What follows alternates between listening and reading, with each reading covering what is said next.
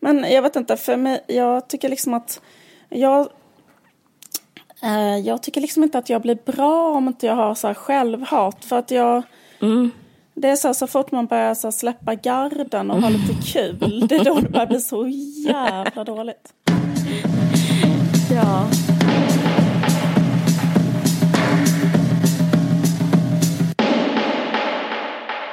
Jag har läst eh, typ fyra stycken så här, eh, de, eh, debutant eh, som har kommit ut i Sverige nu i höst. Mm. Och eh, allihopa är självbiografier Mm. eh, som tjejer har skrivit. Och eh, allihopa handlar liksom om eh, hur man alltså orienterar sig på någon slags, i någon slags singelliv eller på liksom någon slags så marknad där man inte har en kille. Men ändå... Det är typ Tinder-romanen som har blivit, som har nått serievärlden eller? Alltså, är- Ja, fast inte riktigt. Ja. Ja, En handlar, i, i en förekommer Tinder, fast i, i de andra förekommer faktiskt inte Tinder. Nej?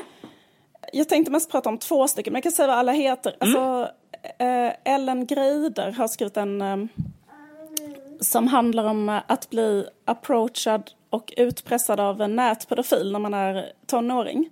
Är du släkt med Göran Greider?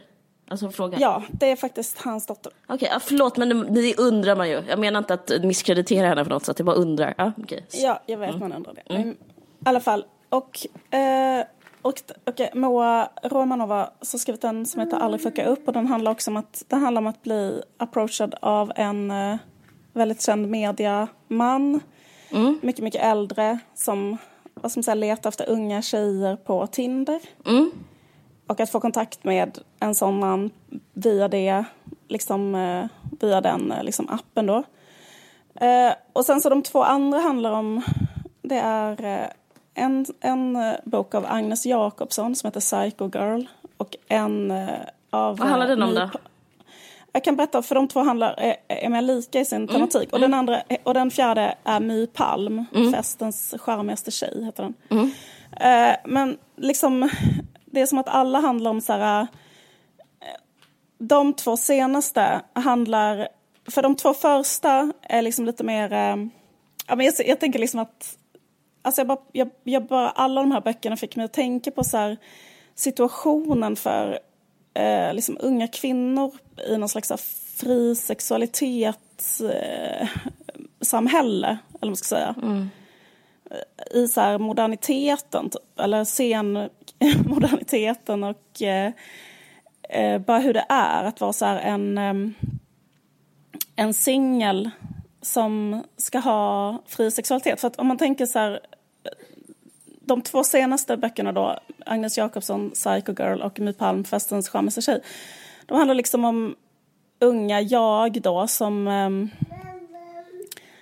har liksom icke, alltså de, de har sex med män som inte är deras kille. Alltså typ att eh, Alltså de är singlar liksom- och har sex, är det det du menar? Ja, exakt. Och en har då en situation där hon har liksom ett slags KK-förhållande med en kille. Så det är liksom den här situationen, de är inte ihop, de är inte kära. Eh, hon träffar liksom aldrig hans kompisar. Eh, men de bara ses, han bara liksom ringer henne så här när han är full liksom och så har de sex och också umgås liksom. Men att de är liksom inte ett par. Nej, precis. Eh, och den situationen, alltså boken heter Psycho Girl. Och eh, den situationen gör henne mer och mer och mer galen liksom. Klassisk utsikning. Ja. Hon är kär i honom, det är det eller? Nej, men det som är så himla intressant, och det var det jag tänkte prata om också, Ja. det är liksom att hon är typ inte ens kär i honom. Ja, intressant. Ja. Men att den situationen är ändå För eh, jobbigt. Ja, kränkande. mm, mm. Det är sant. Eh. Eller vad jag, vad jag funderar på, eller vad som är min hypotes, det är så att den situationen att under en längre period eh, och, och den här typen av förhållande förekommer också i My Palms bok, att det är en kille som vill ha den typen av relation med henne. Alltså han, han träffar henne jätteofta. Eller liksom att killarna i den här världen vill ha sådana relationer. Och tjejerna i den här eller liksom i de här romanerna, serieromanerna, de vill ha ett förhållande. De vill liksom vara flickvän. Inte för att de är egentligen kära i killen, men för att det är kränkande för dem att liksom inom citationstecken bara ha typ en KK-relation. Mm. Så min hypotes är, eller liksom, är lite grann där att för en kille i det här typ moderna frisexsamhället är liksom, är det inte kränkande att ha en KK-relation där man inte är kär utan bara har sex. Men för en tjej så är det liksom kränkande att killen inte är kär i en. Mm.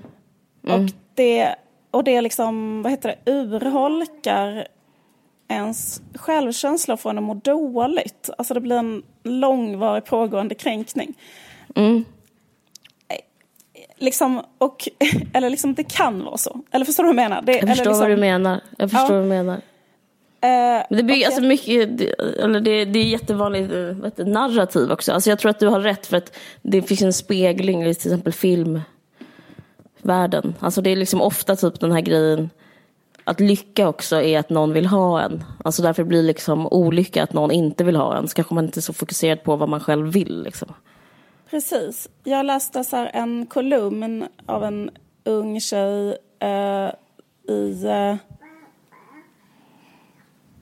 New York Times. Hon är college-student, hon heter Margaret Field. Så hon vann typ en slags kolumntävling när hon skulle skriva om modern love. Mm. Men då skrev hon om sina många relationer, alltså hon har också exakt den här typen av då, att ingen kille vill binda sig mm. och hon är singel i ett sånt hav av män som approachar henne för att ha tillfälligt sex.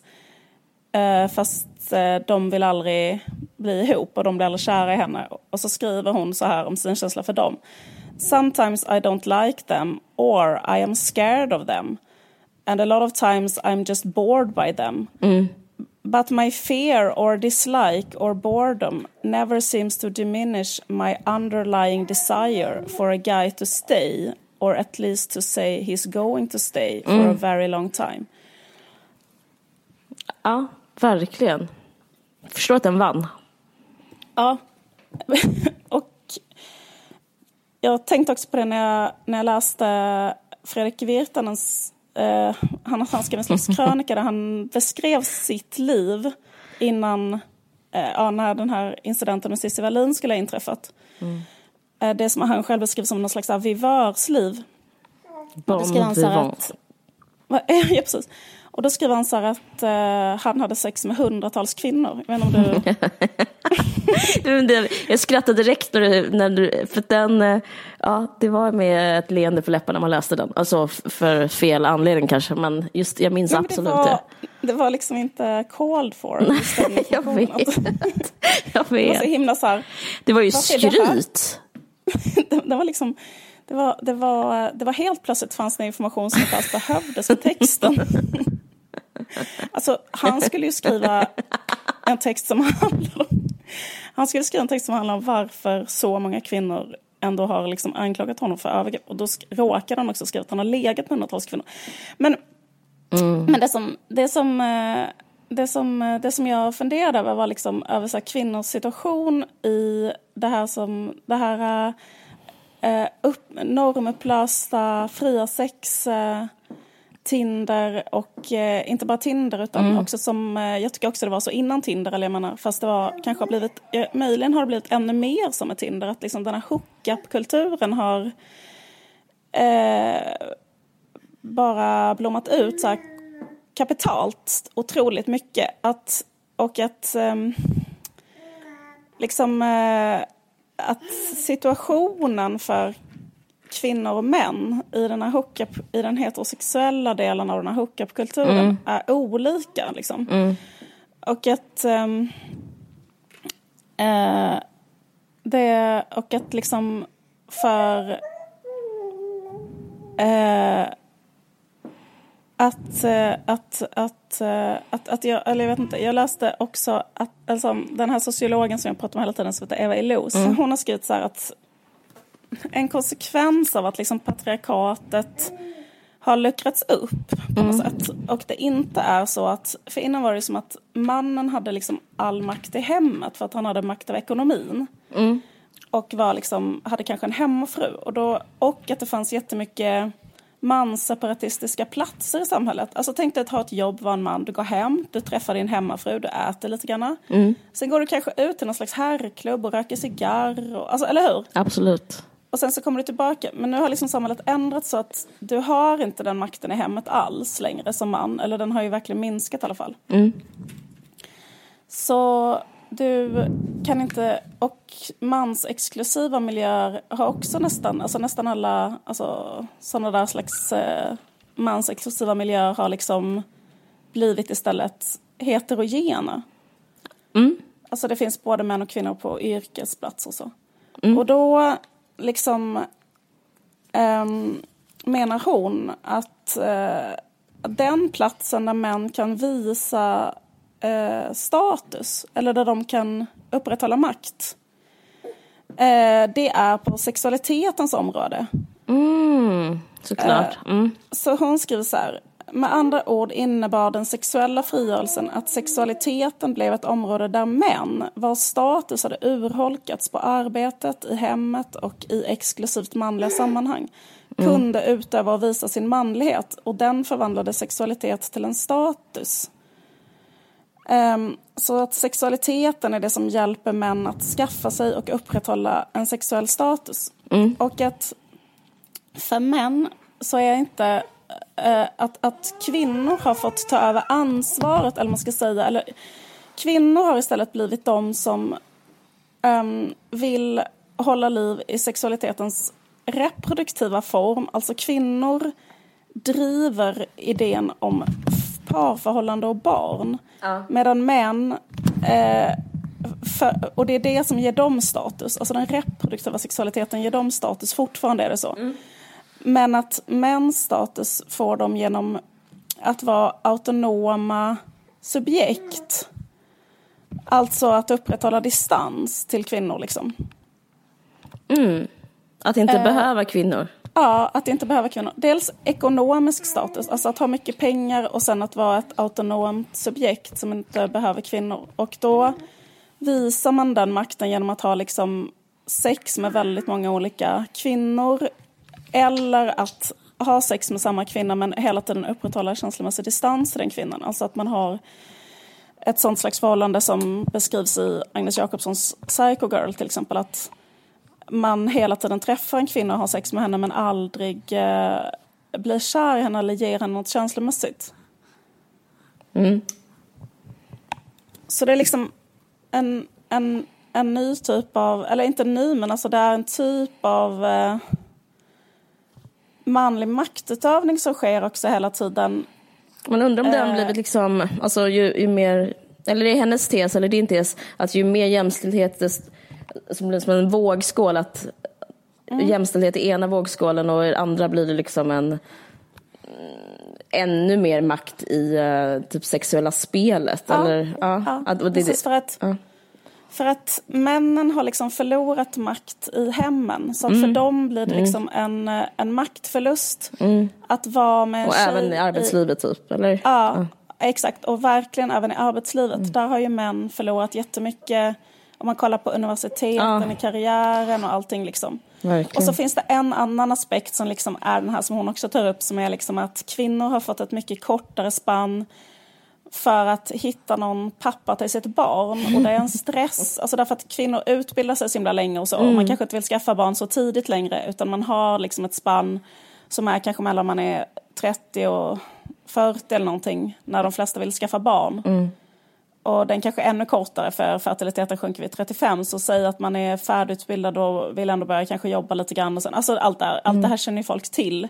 Men det spannet var liksom mycket längre för kvinnor innan för då kanske inte kvinnor hade någon utbildning och eller du förstår vad jag menar. Mm. Att, eh, så för, för dagens liksom karriärkvinnor så har de liksom en och även tror jag de här unga tjejerna som beskriver sina liv i de här, eh, eller de här självbiograf, självbiografierna som jag har läst så, så tror jag liksom att även om man inte har, eh, man kanske inte vill ha barn här och nu, mm. men man vet ändå att så här, alla jag träffar alltså innan jag har fått barn och är liksom på en singelmarknad mm. så alla jag träffar finns ändå alltså om man vill ha barn så finns det liksom någonstans hela tiden den här stressen att den här mm. kanske skulle kunna vara pappa till mina barn och då måste man ha vissa krav på den och så. Så man kan liksom inte bara ha casual sex. Alltså om man lever ett sånt liv som Fredrik Virtanen levde där man har sex med hundra olika eh, sätt man skulle leva som han levde. Att man, man är 32 och man har sex med hundratals eh, 21-åriga neddrogade unga män. Alltså varje dag. och det är så jag föreställer mig hans liv. Men liksom, som man inte vet huruvida de vill eller inte. Liksom, liksom att det livet eh, är inte alls liksom lika tillgängligt för en kvinna. Nej, så. det är det inte.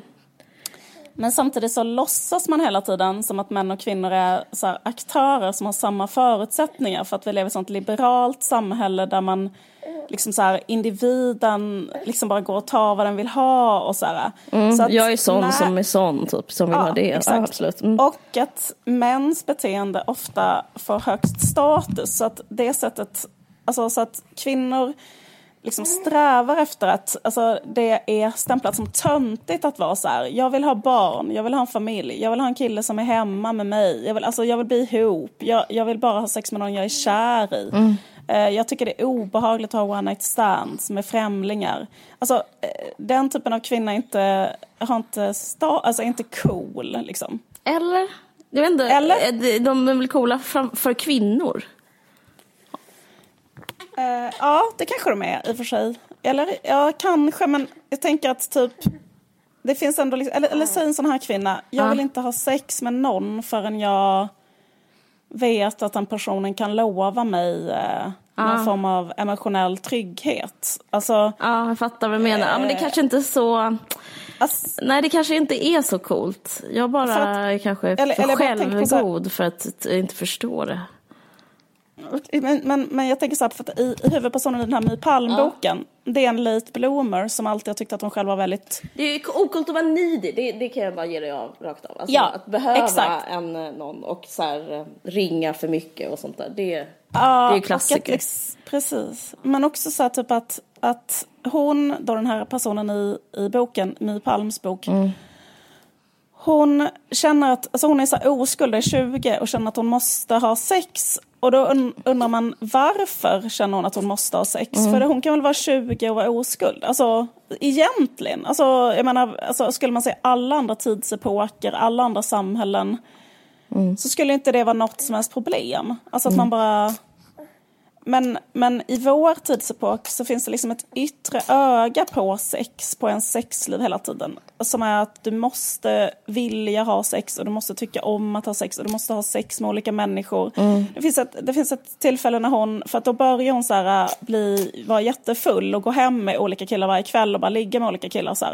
Mm. Och eh, hon vill liksom inte riktigt det själv men hon, hon, hon, har, hon vill typ tvinga sig själv att vara en kul singel för att hon, mm. ja Mm. Uh, för annars känner hon att hon inte lever. Alltså, I vårt samhälle är det ju som att då säger man nej till livet typ om man bara skulle då vara hemma typ tills man alltså, träffar någon, jag vet inte. Alltså... Ja men det handlar väl också om normer, att det fin- normen ser, liksom, ser ut det finns en, inte bara en, alltså, ingen heteronorm, det finns också en singelnorm som är ju typ ja. som ja, men jag vet inte, som typ, jätte, typ Sex and the City var ju ja. liksom peak singelnorm. Liksom, att man såhär, what? Typ, jag är ute, jag har en drink, det är kul. Typ, jag gillar ja, det. Liksom. Men också så här, hela vår, eh, vad ska man säga, senkapitalistiska eh, e-, epoks liksom, tvång att njuta. Mm. Att det liksom inte är tillåtet att inte njuta mm. av livet så att säga. Och typ att så här, det finns liksom en piska kring njutning. Liksom, som, som också handlar om att du måste, äh, det, det, här pratade vi också om när vi pratade om Katrin Zytomierskas bok, den här mm. bucketlist kommer jag ihåg, mm. att det finns liksom att så här, det utgår inte alls från något in, inre eller Nej, det är det jag menar, att det är en bild liksom. Det är en bild som mm. är så här, nu, nu kör vi! Kör vi! Tjotta! Typ Men i alla fall, Absolut. hon i alla fall går till en psykolog och då säger hon till psykologen att um, Eh, hon har gått hem med en kille och haft sex med honom fast hon inte ville. Och, hon, och efter det, alltså hon ville verkligen inte heller under själva sexet. Och någon, sen säger hon att efter det har jag känt mig så ledsen. Mm. Och eh, jag har känt mig så himla nedstämd ända sedan dess. Mm. Så jag liksom bara undrar om jag liksom behöver prata typ om detta i min terapi, för hon går i terapi. Mm. Och då säger psykologen, um, ja men herregud, du måste slappna av, du är ung, du är singel, du har sex med någon, det är inte hela världen, äh, säger psykologen. Är det en manlig psykolog? Nej, det är en kvinnlig psykolog. Okay. Men, men det, jag, det jag menar är liksom att den, eller att äh, psykologen, alltså, alltså psykologen representerar någon slags äh, imperativ från samhället som är så här att det här ska inte vara ett problem liksom, eh, du ska, det, här får, det här existerar inte som ett problem, utan liksom, nu är samhället så här att du ska kunna gå hem med en främling eh, mitt i natten och liksom knulla med den personen. Och i, in, den ska inte bry sig om dig, den känner inte dig. Den liksom, eh, eh, den får sexuell njutning av dig och sen efteråt så ska inte det kännas konstigt eller fel för dig. Och om det gör det så är det bara en oskön, uptight person. Mm. Um, när...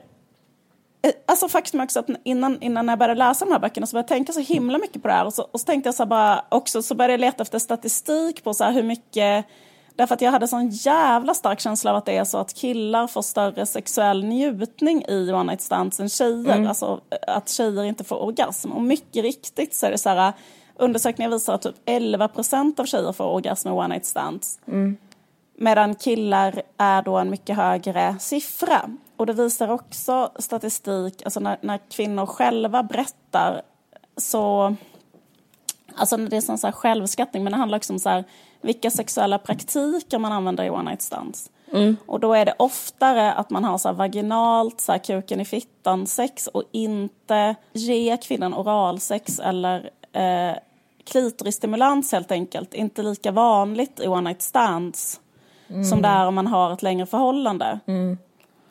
Så att också bara rent sexuellt så får liksom kvinnor eh, alltså så, så är vad heter det, spelplanen alltså männens. Alltså typ att så här, eh, det handlar om att handlar mycket om att män ska få sexuell njutning helt enkelt. Mm. Eh, men jag bara tänkte att det var så här intressant därför att vi, eller jag vet inte, att den feministiska diskussionen har ju mycket handlat om, alltså typ så här, det, ända sedan liksom Kate Millett skrev så här, sexualpolitiken, då skrev hon så här liksom att äktenskapet är det mest förtryckande för kvinnan, mm. eh, parförhållandet är det mest förtryckande för kvinnan, mm. vi måste liksom bryta upp det, vi måste liksom, eh, du vet, vi, vi, vi, vi, måste avskaffa monogamin. Hon menade ju till och med att eh, att liksom kvinnors sexualitet biologiskt inte var avsedd för monogami. För att, alltså att kvinnors sexualitet lämpade sig mycket mer för eh, eh för någon slags... Seriell. Liksom, ja, seriell. Så här, just, och, och, det kan ju på ett sätt hålla med om att så här, kvinnlig sexualitet är ju... Eller typ att, att hon, hon med, med hänvisning till biologin, alltså att kvinnor typ kan komma jättemånga gånger mm. och att kvinnor har liksom en, en, liksom en, så här, en annan typ av sexualitet som kanske är så mer tillämplig för att inte bara eh, eh, ha sex med en, menade hon mm. i alla fall. Mm. Men, men, och, och liksom det här vi pratat jättemycket om att de här eh, 70-talsfeministerna var så här väldigt eh, inne på det. Alla de var ju det. Susanne Brögger, Kerstin Thorvald. Alltså att mm. man skulle bara ha jättemycket sex med olika människor. Bla, bla. Kvantitet Men jag bara tyckte att det var så här, liksom. Eh, precis, exakt. Och, och eh, att man ville eh, vad det, bryta upp eh, mononormen, man ville bryta upp äktenskapet och så. Men frågan är, eller vad jag bara tyckte var intressant att tänka sig var att mm. det också borde komma en feministisk kritik eh, mot eh, det här samhället och bara identifiera eh, på vilket sätt eh, mycket av sexualitet eh, så, så, att säga mm. fri sexualitet inom citationstecken är väldigt konstruerad eller liksom efter, eh, efter mäns behov och att kvinnor kanske inte mår bra ofta mm. i den, i den liksom typen av upplägg. Att, och, och att, man, att det anses liksom töntigt att inte må bra i det. Men att man kanske bara borde lyfta så här Eh, det, har, kommit en sexnegativ rörelse skulle jag ändå säga. Alltså, det har kommit, ja precis. Ja, det finns ju folk som är, alltså från att liksom, kalla sig sexpositiv till att liksom, kalla sig sexnegativ. Det är ändå liksom att prata om eh, nejet som, eh, det subversiva nejet eller passiviteten, alltså som den mm. sista utposten för makt på något sätt. Att, att tacka nej. Liksom. Så att jag vet inte om, jag tycker ändå det finns, jag tror, jag tror inte man ska, eller jag håller inte med om att eh, det inte finns en feministisk rörelse. Jag skulle kanske kalla att det kanske är det som är den eh, nya feministiska rörelsen, att just inte liksom ha sex och eh, att, att, just, att, liksom våga, att våga eh, jag skulle nästan säga att det är eh, att det är det som är det coola, alltså det där med att um, för om man pratar om så den gamla bilden av jag tänker så här, Samantha i Sex and the City så känns hon bara som en sånt, sånt ägt offer liksom. Uh. Men hon känns väldigt mycket som en skrivbordsprodukt. Ja. Uh, för att jag tror, alltså, eller det jag tycker var intressant är liksom att det känns lite som en lögn. Ja. Alltså att, uh, Men det tror jag många har identifierat, att det är liksom... Ja.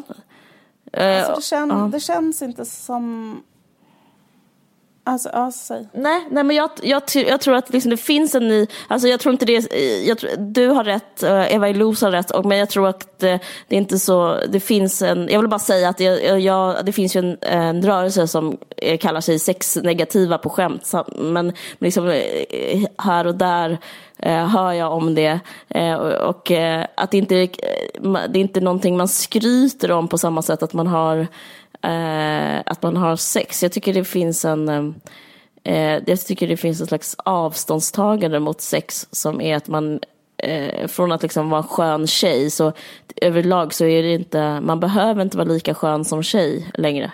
Men jag, min, jag minns som min, jag gick, när jag var singel så gick jag också en psykolog.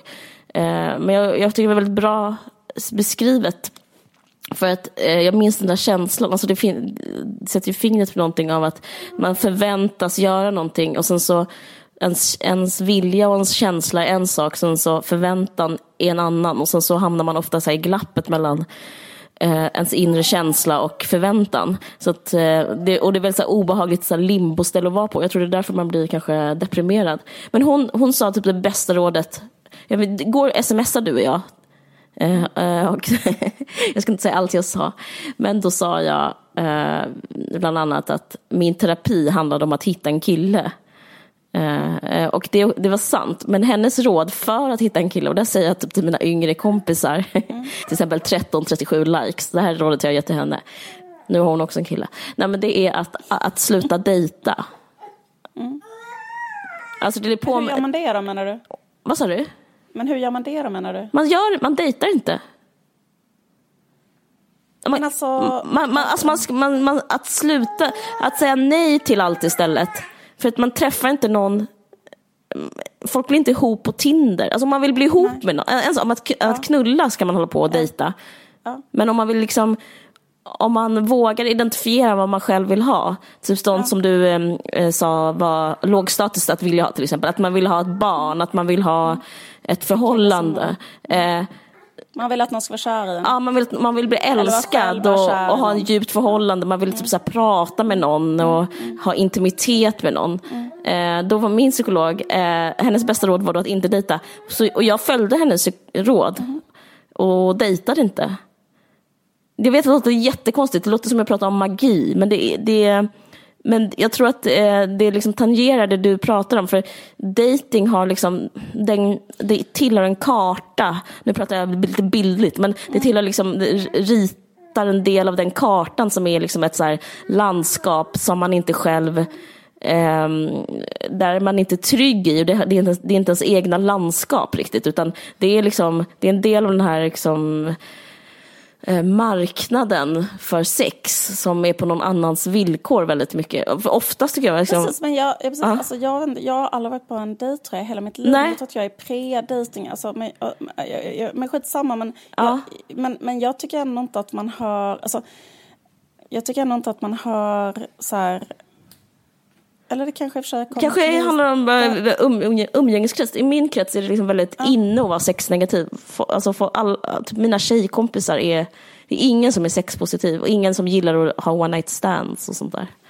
Ja, men jag, jag menar, alltså, typ så här, egentligen, eller eh, egentligen så um, menar jag mer att jag bara tycker inte att jag ändå har läst vad ska man säga, den liksom teoretiska feministiska analysen Nej, det har, av... inte jag heller. Alltså, för det kanske är så att man på ett personligt plan kan märka så här, jag mår dåligt av detta ja. och därför deltar inte jag i det och gör det som en slags självhjälpssituation. Men man gör det nästan här, intuitivt, absolut. Ja, man gör det intuitivt. Nej, exakt. men jag har inte heller och, och det, vetat om att det fanns jag, liksom, backup i teori. Liksom. Det är helt nej, underbart. Precis, ja, exakt, men typ att, så här, att, att, man, att man skulle kunna identifiera det som ett ställe där män utövar makt över kvinnor. För att, mm. ja, men det är, du sätter ju fingret det är ju därför man mår skit av det. Alltså, man har inte förstått varför. Det är obehagskänsla bara. För, för jag tycker ofta att man, då liksom, att, man, att man ser bara på det som ett individproblem mm. när det egentligen är strukturellt. Alltså mm. när man, man hela tiden säger så här, varje gång en tjej och en kille träffas har ett KK-förhållande mm. och det varje gång så att tjejen mår dåligt av det och killen mår bra av det. Så kan man ju fråga sig, alltså Nej, men för då kan man fråga sig så här. Och det är så och det, loll, och det, och det, behöver, och det behöver inte ens bero på att hon är kär i honom och han inte är kär. För Nej. det kan vara lika mycket att hon inte är kär i honom liksom, och han kanske är kär i henne. Alltså förstår du, det spelar ingen roll. Det är sant. För att eh, det, det, det kan lika vara att han, även om han är kär i henne och eh, har ett KK-förhållande, så vill han ändå inte vad ska man säga, bli ihop med henne eller ge det. För att för honom blir det en så pass stor maktförlust. Eh, så att eh, i det sättet som manlig status liksom byggs upp i detta liksom mm. mer eh, postpatriarkala samhället, eller att man ändå, eh, där, ja, men där, där könsroller har uppluckrats. Alltså jag tycker bara det var intressant Verkligen. att se just datingvärlden som att det är nutidens, liksom, det är som att gå in i lumpen som tjej, eller alltså så som det var förr för mm. tjej. Alltså det mest patriarkala, konstiga stället som finns liksom. Och att, men att när man opererar där så förvänt eller så är det bara så här, oj, i det här individuella fallet så blev det så, i det här individuella fallet blev det så, i det här individuella fallet blev det så. Mm. Eh, och det kanske är för att jag som tjej inte är så skön, mm. eller jag, jag kanske är psycho. Eller jag är ju lite knäpp eller jag har olika... Ja, eller mer jag... så här, jag är inte sån som gillar one night stands. Att man gör det till att ja, det handlar om en, ja, själv. Om liksom. man gillar one night stands eller, eller, eller, eller, eller vet du, om man är aktiv mm. i typ att ha ett KK-förhållande med en kille som inte mm. vill riktigt uh, släppa till känslomässigt. Mm. Så kanske man identifierar det som ett personligt psykologiskt problem som bara jag exakt, har. Till exempel så här, jag väljer killar som inte släpper till psykologiskt och sådär. Mm. Och så kanske det egentligen är liksom att Eh, så som att man befann sig på en liksom maktarena. Ja. formas nu, nu i, den här, i den här tiden. Så formas de så för män. Liksom. Och de formas på ett sätt för kvinnor som är att man har tilldelats rollen av att ta ansvar för den reproduktiva för, på det reproduktiva området. Mm. För jag menar, det går ju bara att titta så här, alltså, och sen så Eh, eller för, för då kanske på, på 1700-1800-talet så var det liksom så här romantik och att vilja, alltså det går ju bara, det är bara att läsa en Jane Austen-roman eller någonting för att se så hur, hur det var strukturerat då. Alltså mm. nämligen att det var så män som, alltså att det var, att det var en, en, en jätte jättestark statusmarkör för män att till exempel ha en fru och ha jättemånga barn. Mm. Alltså typ att vara så en patriark, att det var som alltså Sigmund Freuds liv till exempel, att han bara hade sin underbara fru och de kanske hade nio barn, mm. nej, sex, sju barn, bodde i en underbar våning i Wien. Men så var det typ för Kennedy också, alltså det höll på fram ja. till så här folk började ja. arbeta. Väl? Precis, exakt. Men liksom att, att eh, att eh, idag så är, alltså, och, och, och, och, och det livet hade jag sörjt så in i helvete om jag hade varit man. För det, Wait a minute. för det är ett sånt ja, jävla drömliv. Men jag tycker också så här, just ordet sexnegativ, för att, för, att, för att jag tycker också att just att säga att man är sexnegativ eller så, eh, eller liksom ge upp det, att uh. det, också är så här, det, det, det, är något annat också jag menar som är typ att så här, att, och, och det här tar, tar ju emot att säga och um, skulle också kunna uppfattas som kontroversiellt, men jag säger det ändå bara för att jag tycker att eh, vi kan leka med tanken eller ha högt i tak. Vi har högt i tak, jag ska säga en annan eh, sak också sen, så det är härligt. Ja, men precis, mm. men, men att, så här, att, att i den här tiden med de här maktförhållandena, mm. då är det bättre för en tjej att ha en pojkvän. Alltså att en mm. tjej som har en pojkvän som är kär i henne mm. och som hon är kär i, då kan det bli ett haven av eh, emotionell trygghet och närhet Eh, som Verkligen. till skillnad från vad feminister sa eh, på 70-talet när de sa ta bort äktenskapet så kan mm. äktenskapet kan istället eh, bli en, trygg, en trygghet som blir, mm. eh, precis och, och som av feministiska skäl mm. skapar en bättre Därför att det är ett sätt för tjejen att vinna en... Äh, äh, ja, ja, verkligen, samma, verkligen. Äh, liksom så. Och, och, och det är liksom... Eh, fast liksom... Eh, för, för, det var det, för det tänkte jag faktiskt på när... Äh, skitsamma. Eh, att, att, eh, att liksom, eh, det har ju varit så här, eh, olika debatter om konservatismens återkomst och så. Då skrev till exempel Greta Thurfjell en artikel i DN och då skrev hon så här att hon hade skämtat inom citationstecken på att, om att hon tyckte att killen skulle fria. Eh, och att eh, hon själv tolkade det som ett uttryck för en slags konservatism. Liksom. Men jag tror att det liksom är en... Jag, jag, jag tror att det är att hon känner en, en sån urge, eller vad ska man säga, att det är bara en ganska så naturlig kvinnlig reaktion i det här så förändrade landskapet där mm. kvinnor faktiskt blir förtryckta genom att inte bli valda av män mm. känslomässigt. Verkligen. Alltså, det nya kvinnoförtrycket är att eh, Eh, hålla en, en kvinna på känslomässigt avstånd och därför blir ett frieri när du nämligen väljer en kvinna för livet och säger att du vill, det är något icke-normativt manligt i det här samhället där manlighet eh, konstrueras så. Ja, det, det, det är sant. Alltså, och på, min lilla, på mitt håll, jag, jag bekräftar din tes om det här. det här. Jag tycker det är jätteintressant att du tar upp det här just nu, för det är som att det har funnits något som en strömning i luften. Något som, alltså jag har gått och tänkt på det här själv, eh, fast på ett mycket värre sätt. Du, du, har ett, du pratar om det här liksom med så här teoretisk uppbackning, jag håller bara på med anekdotisk bevisföring. Men det får vara så i den här podden just nu. Men i alla fall, det jag har tänkt på det är så elakt det jag har tänkt, men jag kommer säga det ändå, för vi har som sagt högt tak. Det är att jag har gått i min ensamhet och räknat på vilka som är lyckade och inte, och inte lyckade av mina kvinnliga bekanta. Mm. Och eh, med lyckade menar jag, nu pratar jag om yrkesliv bara, det är så jävla hårt. Men de som liksom, det, kanske, eh, det handlar ju egentligen om mig själv. Det handlar om liksom, jag vill ha vissa, vissa eh, vad ska man säga, mål i min karriär och jag vill, eh, om man pratar, jag vill skriva, jag vill skriva min bok, jag vill eh, göra, nu ska jag göra min serie, sen ska jag skriva min andra bok och jag går liksom jag vet inte om det är vanligt, men skitsamma. Jag går hela tiden och jämför mig med andra som skriver böcker och andra som gör serier. Och det vanliga är ju att killar, alltså traditionellt så har killar kunnat hålla på med sin konst mycket mer än, än kvinnor.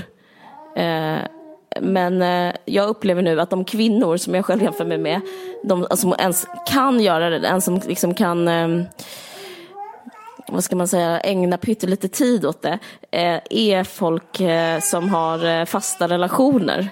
För då är det som att, då är det som en sak, och så har jag liksom, min analys har då blivit att Okej, de som klarar av att till exempel slutföra ett projekt, det är sådana som har pojkvänner eller gifta till och med. För, eh, och för de kan göra det för att eh, de behöver inte lägga den här otroliga mängd energi, nej men det här är helt sant, ja. otroliga ja. mängd energi på att vara behaglig och vara likable och typ dricka jättemycket mm. och ehm, eh, kanske knulla, kanske ha, processa känslorna av eh, hur det är liksom efter man har knullat med någon, att vilja ha någon, att gå på den dejt, spendera pengar på typ, till exempel jag lägger nästan inga pengar på kläder och hudvård och sådär, utan jag lägger liksom mer på mobilis för att kunna så mobilisera för att jag ska göra hur ska jag liksom få pengar så jag kan försörja mig så jag kan avsluta min roman? Alltså det låter så självgott, det är nog det också. Men jag tror faktiskt det har att göra väldigt mycket med eh, att jag har det lugnt på hemmaplan. Alltså, mm. Så det är som att det blivit så tables have turned. Alltså jag vill bara bekräfta din tes, fast kanske lite, på ett lite mer vidrigt sätt. Att liksom, om man tänker hur Jackson Pollock hade det hemma, ja. så är det fast man... Han har ju ett goalsliv. Han har ett alltså- goalsliv, precis. Fast det är tvärtom, alltså det är bara olika kön. Han, eh, precis. Tyvärr, han, minus att han drack hela tiden i, inom sin relation. Det kan ju vissa göra också. Jo, men det, vi skulle säga det, det kan funka också, så länge man har liksom ett så här en, eh, ett, ett, ett trygg, alltså man, man, man, en kärlekstank som är en, liksom, ett fast förhållande. Alltså annars, man kan knappt le jag tror inte man kan leva som människa om man inte får sin liksom, tillfredsställelse i kärlek och beröring och liksom, eh, bevis på att man är värd något. Och det får man ju liksom i, i en kärleksrelation väldigt mycket. Mm, och om man inte får det så måste man ut och liksom jaga på stan. Och då kan man liksom inte ha ett, en, en så lyckad eh, konstnärlig karriär. Ja, det, Nej, alltså, eh, ja. det, är ju, det är ju underbart. Alltså, om det, skulle, det du beskriver, det du målar ja. upp är ju att eh, alltså, sådana slags relationer som som eh, jag har beskrivit i typ Einsteins fru som är så här, eh, för att en manlig konstnär kunde utöva konst på grund av att det fanns en kvinna som gjorde all liksom, markservice och det emotionella arbetet, eller liksom gjorde mycket av det, att, att det var en stor förutsättning för att de skulle kunna skapa och så. Så har det ju sett ut alltså 100 procent i historien. Men det, det är ju eh, fint om det kan vara så att det blir mer jämställt så, så att just det du beskriver, liksom att, att den lilla konstruktionen också kan leda fram till att det blir en sån situation för kvinnor ifall eh, man har ett jämställt förhållande. Liksom. Uh, sen så, men, men jag tänkte också på det där med just den där saken du beskriver, att man behöver då uh, emotionell närhet, man behöver mm. uh, beröring och mm. liksom, kanske sex eller den grejen. Att, och att um, det som är lite intressant tycker jag med sådana, för det, för det behöver ju eh, män också. Alltså, eller jag menar de här som är såna fuckboys typ. Mm. Eller såna, mm. jag tycker nästan något som är ännu värre än att vara en fuckboy är en som bara knullar med samma tjej hela tiden men inte släpper till emotionellt. Alltså, typ att eh, ja, att man inte blir ihop. Man är inte ihop och man lovar aldrig någonting. Men det känns får, bara helt alltså... stört. De måste ju, alltså evolutionen måste ta bort dem, tror du inte? ja, alltså. Helt sick. Men att typ hela tiden eh, vad heter det, hålla inne eh, alltså kärleken. Mm, mm. Så, att, så att man gör allting runt omkring mm. som är att man liksom tar i varandra, pussar varandra, ligger med varandra, mm. delar tankar och känslor. Men man sitter och håller på Eh, alltså eh, att ge upp det där sig är utseendets själv. Fel. Eller ge sig själv till en annan person ja. så att säga. Alltså så, alltså på riktigt. Eller de liksom borde ju vara sådana incel-personer tycker jag egentligen. Eller nej, de har mer känslor kan jag tänka mig. nej, men, jag, men jag tänkte innan jag glömmer det, måste säga, eller nej jag kan vänta och säga det, det var ingenting. Mm. Ja, nej, du, Fortsätt du. Nej men nej. jag tänkte på ett tidigt stadium innan eh, var så här, att allting jag upplever att eh, du är extremt mycket På spåren och Eva Los också, men jag upplever att det finns liksom ett förtryck, en arena för förtryck, kanske det du menar också, som, in, som, mm, som sabbar allt. Och det är liksom, mm. alltså jag upplever att det kvinnliga utseendet, att det, där kan man fortfarande, det ser man ju också på att det finns en marknad, alltså hur man eh, Eh, det, är det är en miljardindustri, alltså, det, alltså hur man ser ut. Ja, ja. Och att det är det som är Uh, man, kan, så här, man, kan sätta en, uh, man kan sätta en uh, tjej i, på juristprogrammet men man kan inte plocka bort att hon kommer liksom bli ratad om hon är ful. Alltså sån, förstår du den? Mm. Det är liksom vad, vad man än är, alltså i vilket, säg att man är typ läkare utan gränser, man står typ nere i Syrien och försöker så här, rädda ett barns liv, då kommer folk ändå typ bedöma, om man är kvinna, kommer bedöma ens utseende. Alltså det spelar liksom ingen roll. Det är liksom det, och, och, det, det, är liksom det mest, det där erotiska kapitalet, ja. det, är liksom, det är det mest brutala Eh, ja, det, och, och, och, jag tror att det, det är därför också gör att blir ont att bli rejected. För det kan man liksom aldrig, man kan ju operera sig men man kan ju liksom aldrig eh, vinna Alltså det är liksom, vad ska man säga, det är en status som inte går att, eh, som inte finns regler på liksom, ja, utan det är bara fast, liksom utslaget. Ja, fast jag, jag, måste också säga att så här, eh, det kanske är så på en nivå, men... Har det ändrats? Eh, nej, nej, jag tror inte att jag, jag blev så glad, för det lät som du skulle säga det. Ja, nej, nej. Säg, vad skulle du säga?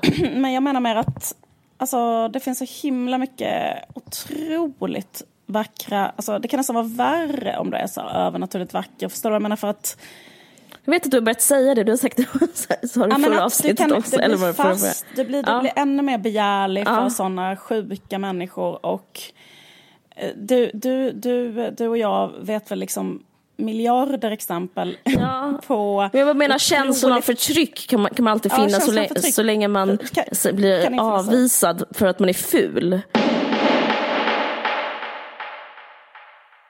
Vi fortsätter vårt samarbete med Storytel som vi har gjort hela året, vilket är underbart eftersom vi älskar böcker i alla former. Och ja. som, som lyssnare till sin podd så kan vi därför erbjuda en månads test av Storytel. Eh, så få in på storytel.se varg och signa upp där. Mm. Jag skulle vilja tipsa om en bok eh, som jag är väldigt upphetsad över. Trots att den kom ut 1939 första gången. Wow. Eh, grejen är att eh, jag har tänkt på den på sista tiden, för den är så fruktansvärt bra. Och det är The Grapes of Wrath av John, John ja. Steinbeck. Jag såg att, den hade, att de hade den på ljudbok. Den heter alltså Vredens druvor. Och egentligen hatar jag när man gör sånt där och säger så här Eh, Vilhelm Moberg, det, Utvandrarna handlar egentligen om eh, vår tid. Men grejen är, det här är så intressant, för att det finns något som rör sig i luften just nu som handlar typ om Trump, som handlar om migration, som handlar om eh, att vissa är extremt fattiga och andra extremt rika. Och eh, Vredans druvor handlar om eh, två stycken bröder som kommer från Oklahoma. Eh, det är the great depression, alltså otroligt eh, liksom, dålig ekonomi och eh, vissa, folk, vissa människor är så fattiga. Och de bestämmer sig för att utvandra till Kalifornien där de har talat om apelsiner växer. Och det, det är två vita, vita bröder som tror att det finns bättre någon annanstans och de, de är så fattiga att de svälter i Oklahoma. Jag vet inte, det här det har liksom sätter perspektiv på eh, hur man eh, ser på människor idag. Jag läste den eh, när jag var 17, men jag vet att den är lika bra fortfarande. Jag bara, det är bland de bästa böcker jag någonsin läst. Och så kan man aldrig mer, alltså, den, den, vad ska man säga, den handlar om mänskliga rättigheter och klassamhälle. Den är så fruktansvärt bra. Läs den. Lyssna på den menar jag. Eh, och den kan man läsa på e-bok då och ljudbok eller? Ja, jag skulle läsa den. Jag tycker det verkar så mysigt för det är en sån riktigt saftig jävel och har en lyssna på ljudbok för då kan man liksom ha den genom vintern. Underbart. Bra idé. Mm. Tack så jättemycket Storytel. Tack Storytel. Men, men jag, jag tänkte bara på det där, jag ska bara säga klart det med, med, med det där med att vara en sån fuckboy som hela tiden knullar med samma tjej fast håller inne på sin lilla sista emotionella rest. Liksom, att vara att, kär då? Eller att liksom, vara kär, mm. exakt. Och att det liknar på ett sätt tycker jag, så här, för att hur sexuallivet var strukturerat för lite drygt hundra år sedan, eller typ när man läser Strindberg och så, eller Fröding, mm. så är ju deras, eh, då, då var det ju eh, före fri sex så att säga. Mm. Så då var det typ att det fanns eh, tjejer som de kunde gifta sig med men då var de tvungna att ha ekonomin att kunna försörja de tjejerna. Mm. Så, så därför så var det jättemånga män som inte kunde gifta sig. Även om det var, alltså hur, eh, du kunde ha liksom ett, ett, jobb som lärare typ, men om du var för fattig liksom, för du inte hade något arv så, så du aldrig kunde gifta dig och sånt. Det var ju ganska vanligt liksom. Mm. Så är det ju när man läser giftas och så. Alltså alla Strindbergs noveller om äktenskap. Men, men liksom att det de gjorde då var att de hade uppdelningen att det fanns horor som mm. de gick till. Och det var ju helt normaliserat. Det var liksom så alla män förlorade oskulden. Mm. Och eh, all, Strindberg beskriver det jättemycket sådär att de, ja men också i en dås försvarstal att liksom när mm, han är arg på Siri så går han kanske och knullar med en hora i ett horhus som han brukade gå till innan och som han känner och som han ja, har. Men han tjurar i ett horhus.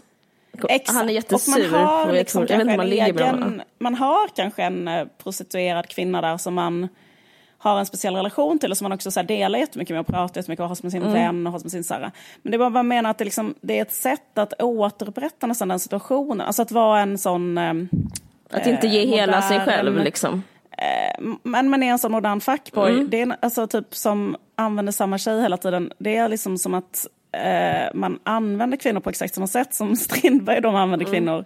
Bara det att man typ inte ger betalt. Mm. Eh, och... Eh, men ja, på vilket sätt menar du det? Men på vilket sätt är det på samma sätt för att man, för att man, att, att inte vara kär är att inte Ja, men att man liksom ge allt som man på samma inte sätt, planerar eller? att ska, starta ett familjeliv med. Ja som man inte presenterar för någon annan, som man, inte, alltså, som man har liksom bara en egen liten hemlig värld ja. med. Ah, ja, du menar att de man... som hororna på Strindbergs tid? Ja, ah, jag fattar, exakt. jag tror du menar som fruarna. Nej men jag förstår Nej, vad du menar. Jag menar som hororna på Strindbergs tid, jag menar att vi alla måste leva som hororna på Strindbergs tid om vi inte har en pojkvän. Ja men så alltså, är det så, men, men, så är det verkligen, jag håller helt med. Men man kan också, det finns ju också, jag vet inte, måste nyansera, mjuka upp det lite för man kan också ha dåligt förhållande. Och det, jag tror, ja. men, man kan, men jag tror faktiskt att du har rätt, att eh, man kan applicera det på ett förhållande också. För att ett förhållande kan vara så här, Eh, jag skulle säga att förhållande är dåligt om man inte delar eh, värld med den man är ihop med. För det gör en så himla stressad på något sätt. Att man bara, vad tänker han egentligen? Ligger han med någon? Är han otrogen? Alltså det blir, det blir nästan som man är singel i sitt förhållande om man har så väldigt mycket distans. Jag tror på, jag, jag vet inte om jag är modern eller omodern när jag säger det, men jag tror på en slags symbios och liksom en eh, eh, total, ett totalförhållande. För att mm. annars blir man så... Jag har haft dåligt förhållande och då var det liksom att jag hela tiden kände mig otillräcklig i förhållandet. Så att det liksom... Jag vet inte, det är, jag vill bara säga det så att det inte blir någon sån eh, megastress nu för så singlar som lyssnar och tänker att det är jättebra nej, att vara ihop. Jag, för jag det... tycker inte att det behöver vara någon stress nej, alls för singlar som lyssnar. För jag tänker också så typ att nej. jag vill också bara säga att mm. så här, vi vet om och, eh, och vi har berättat. Fast anledningen till att jag inte säger att så här, i parförhållanden så är det jättefarligt för tjejer för att de kan bli mördade och misshandlade och ja. allting där. För det tycker jag att vi har pratat om och det vet Det är den grunden vi står på. på liksom. det... Ja men det är den grunden vi står på. Eller att det förekommer för, könsförtryck inom ja. liksom, heterosexuella förhållanden. Men det är väl också det att, det, att att, att Men det, liksom, det du säger att, att det kommer, det, det, upp, det finns eh, könsförtryck även eller på singelmarknaden? Även på singelmarknaden. Ja. Det är det jag menar. Att det, liksom, det enda är så här, det finns där också. Och på grund ja. av den här liksom förändrade arkitekturen. För man kanske också kan skämmas som tjej eller som feminist för att man vet så att det är förtryckande med heterosexuella parförhållanden och att killar förtrycker tjejer. Och ändå hyser man en jättestark önskan att vara älskad Gud, av en kille och själv älska den och ha en symbios med honom och ha barn. Ja, men det kräver ju rätt så mycket självförtroende för att liksom kunna uttala ens bara de, ja, den, den önskan. För att det är, vad ska man säga, har varit otrendigt inom feminismen. Om vi, vår podd eh, lanserar det som den nya feministiska så kanske det är lättare. ja, verkligen. Men det är, det, det, du skulle säga att det är, alltså verkligen.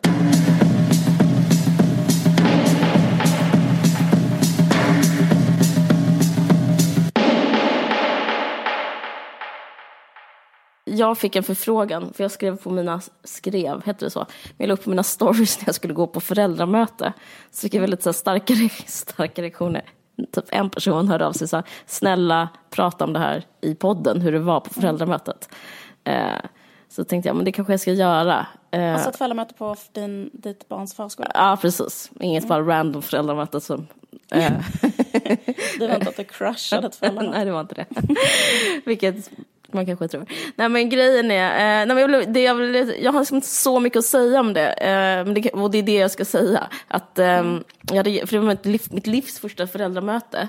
Mm. Och eh, jag hade liksom, min, min erfarenhet av föräldramöte, förutom min egen erfarenhet av att vara barn, nej, därför, mm. är liksom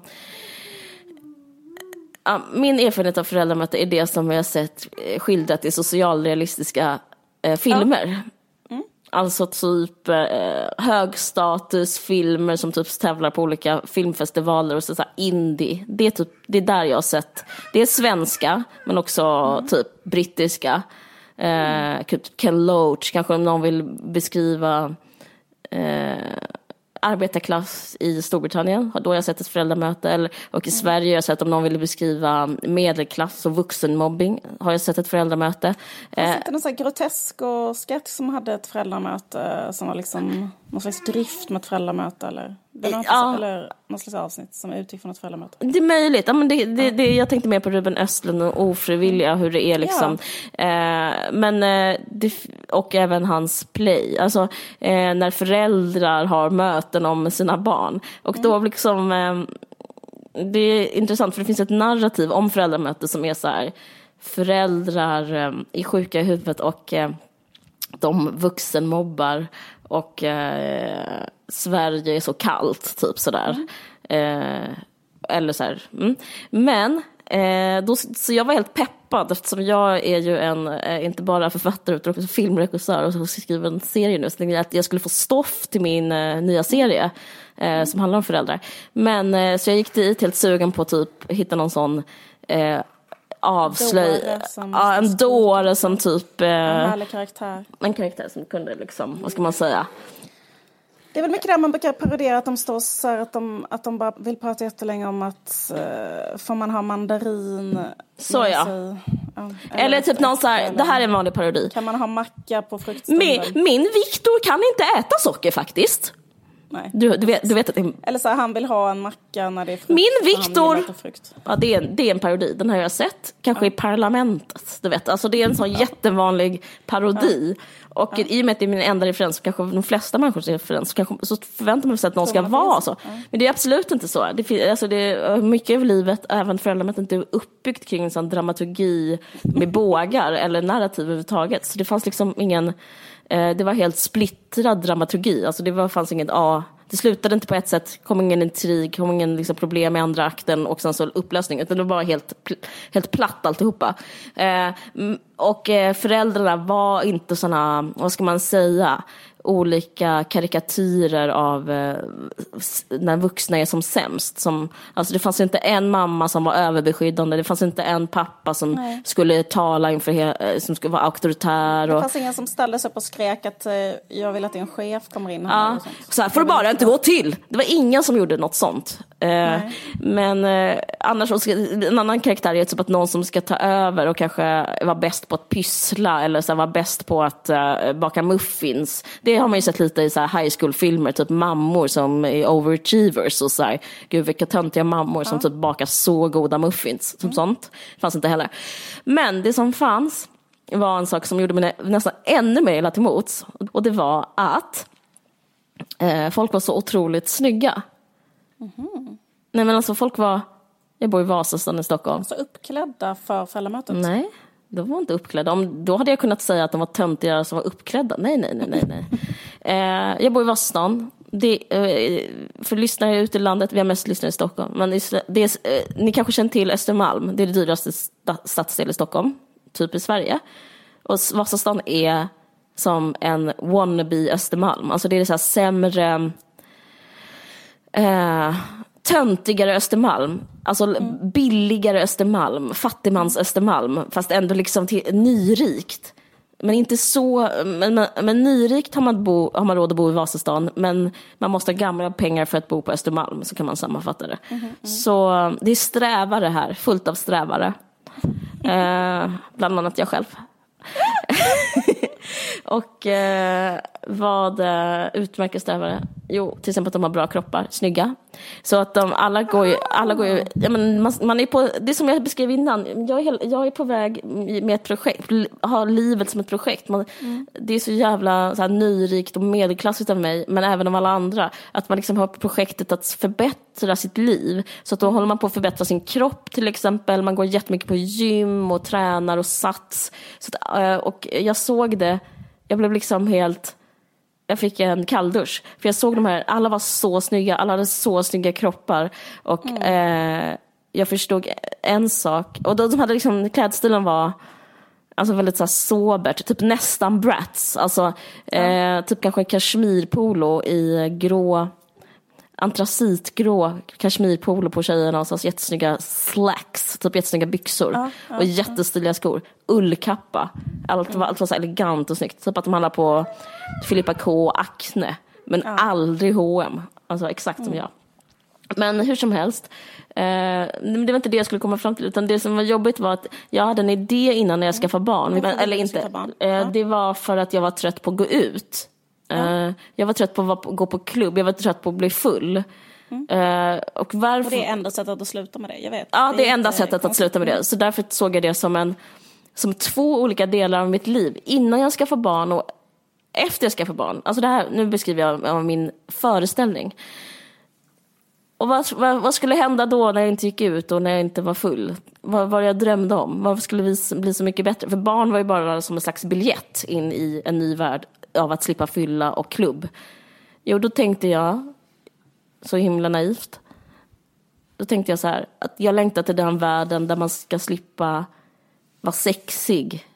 Jag längtar ja. till världen när jag ska slippa ja. bli bedömd för mitt utseende. Jag längtar till världen då folk bara är folk och människor bara är människor. Ja. Jag är en mamma, du är en pappa, du är en till mamma.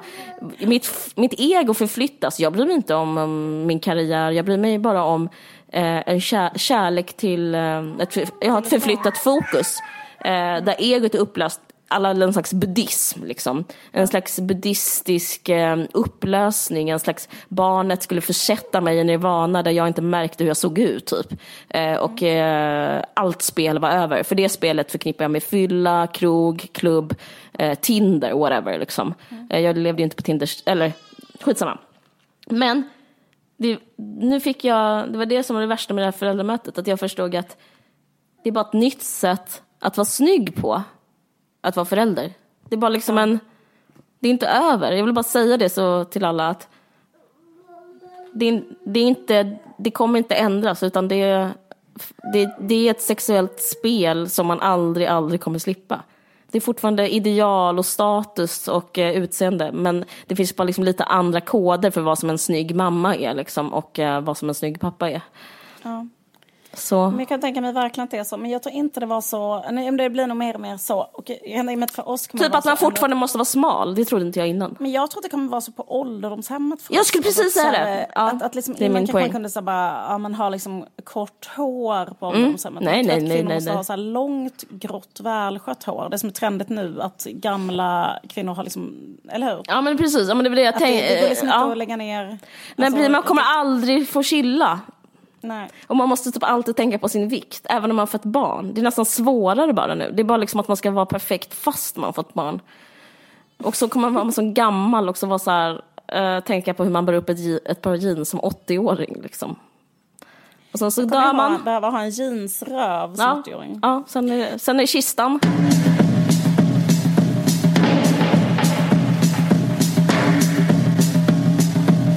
Vi har ju ett fortsatt samarbete med Malmö stadsteater nu i höst och det är jättekul för att nu så ska de spela Endoras försvarstal. Yes! Som är en stor, en Vargsaxen podd-favorit, själva romanen Endoras försvarstal och nu ska de spela en jättespännande pjäs där de gör en, en twist eh, och eh, det också kommer fram eh, Siri från Essens perspektiv och det är, kommer säkert det kommer bli, det känns jättespännande. De spelar eh, 23 till, nej, de spelar 20 till 23 november. Yes. Använd koden VARG för att få 25% rabatt.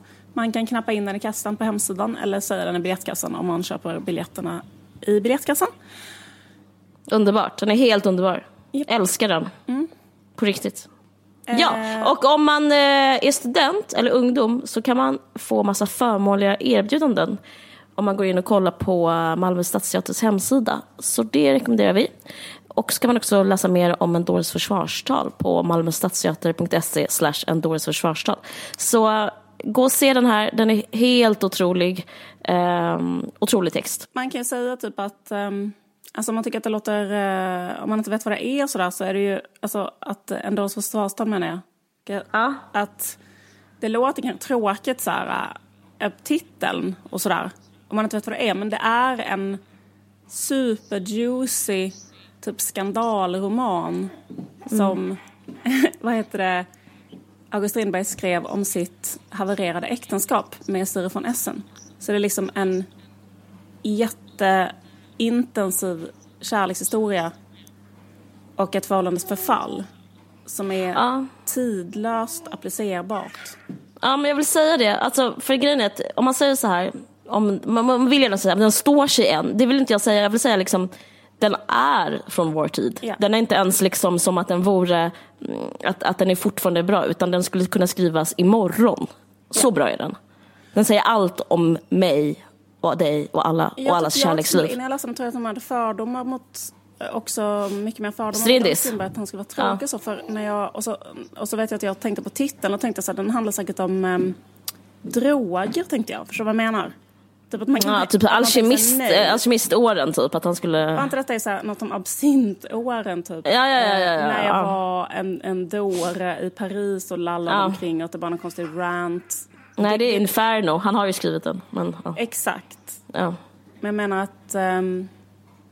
Nej, men det här är bara kärlek och typ thoughts on love på ett jättedesperat sätt. Ja, det är Jätte, jättebra. Ja, absolut inte mansgrisigt heller, för det är också en annan fördom. Att det är så här, han är en typ en kulturman eller något sånt där. Absolut inte. Han bara liksom mår skit. Det är liksom det, är det kvinnligaste man kan göra. Och sen så, eh, den här pjäsen har ju dessutom den här twisten då med Siri von Essens perspektiv, för hon är också superintressant.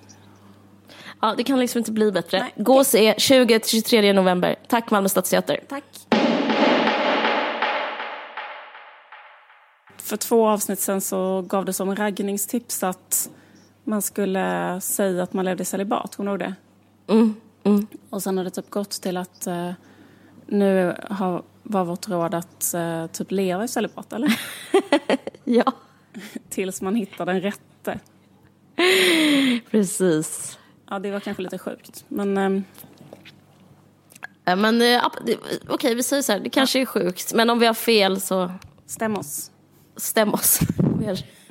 Så då kunde vi bli stämda för att vi hade fel. Okej. Okay. Eh, okay, det var allt vi hade för den här gången. Tack så jättemycket för att ni lyssnar. Tack och hej. Tack och hej.